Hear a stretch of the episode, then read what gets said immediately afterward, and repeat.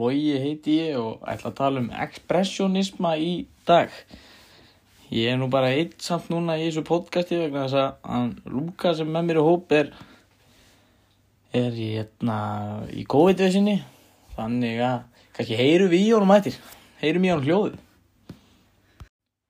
Ef við hoppum beint inn í ekspressionisma þá er þetta sagt, stefna í listum sem koma fram uh, upp á 20. aldrarnar og þetta er, ekspressionismi er antof gegn naturalisma og impressionisma en það er stefnur leituðust við að skrá áhrif umhversins á listamannin en verk ekspressionismans er að tjá tilfinningar og reynslu sem að samfélagi hefur bælt og skipta þá viðþorf og tilfinningar listamannsins megin máli í ekspressionisma. En ekspressionismi kemur á franska orðinu expression sem merkir tjáning.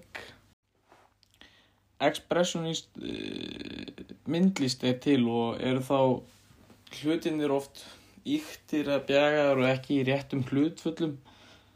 Formin eru skrítin og öfgagend og, og, og litinir en þessi stílbröð koma satt, uh, tilfinningum listamanna til skila og til að nefna nokkra listamenn sem að notuðu þessa aðferð er Vincent van Gogh, Edvard Munch, Emil Nolde svo eitthvað sem nefnt. Í bókmentum náði ekspressionismin æstri útbryslu í Þýskalandi á áronum 1910-1925 en uh, ljóð og leikrit uh, voru þau form sem að ekspressionismin náði og dafnaði best uh, en ekspressionist ljóð uh, voru oft laus við allt hefbundi form.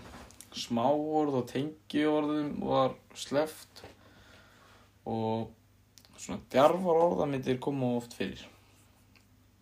En ef við nefnum nokkuð ljóðskáld ekspressionismans er Gottfried Benn, Georg Trakl, uh, Georg Heim, Ernst Rapp og Ágúst Strand, svo eitthvað sé nefnt.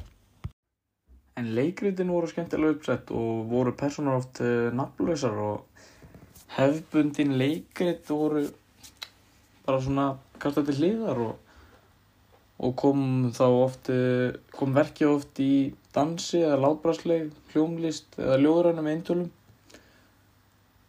og er uh, maðurinn Ágúst Strindberg uh, talin verið að forveri ekspressionískara leikrita gerðar en uh, ef einhver leikrita skálda ekspressionismann séu nef nefndir þá er það Reinhard Swords, Georg Kraser og Bertolt Brecht Já, en e, með þessum tölum orðum ætlum við að heyra þessi í Lúka og heyra hvað honum finnst um ekspressionisma.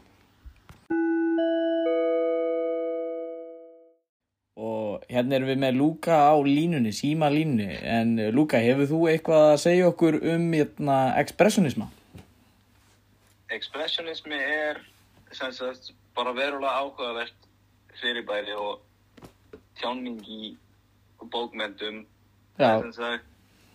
listrætt stíl sem að höfundur notar frekar til að tjá ekki veruleikan í raun heldur upplifun sína og tilfinningar. Já, þú meina það. Já, þannig að hann er að tjá fyrir til dæmis þeir sem er að lesa eða að horfa á listaverkið hans. Þá er hann að opna sig fyrir þeim þá. Já, þetta er nokkuð skonar íkjur það sem hann málar í raun ó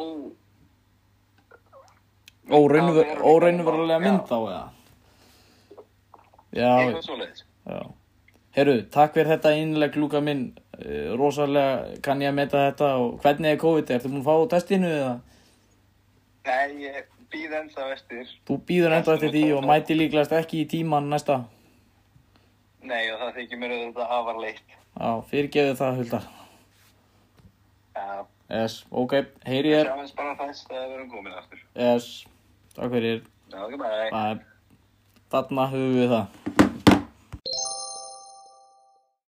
En nú förum við við ljóðið Sorg eftir hann uh, Jóhann Sigurjónsson. En ef við tökum hérna stutta einlögn áður en við förum í ítalega í ljóðið þá sjáum við að uh, það er íkt ljóðið. Það eru er mikið að íkjum og, og, og, og myndkverjungum og lýsingum sem að sem að sýnir okkur þetta er expressionismi sem að er umtalað. En ef við brjótum ljóðið hans niður hérna þá uh, sjáum við strax í fyrstu línu íkt hérna yfir henni föllnu borg, hvar eru þínar stræti, þínar, þínir turnar og ljósafið indi nætunan. Eins og kórall í stjúpum sjó varst þú undir bláum heimlinum stækkar svolítið vandamálið og, og, og er stækk allt upp úr öllu og er að opna sig og, og er svolítið að segja frá. Og hérna sér næsta erendi þá er dimmum brunnum vaka eitur snákar og nóttinu umkvast yfir þínum rústum. Hérna fyrir við strax inn í svona dimmur hliðina á ljóðinu.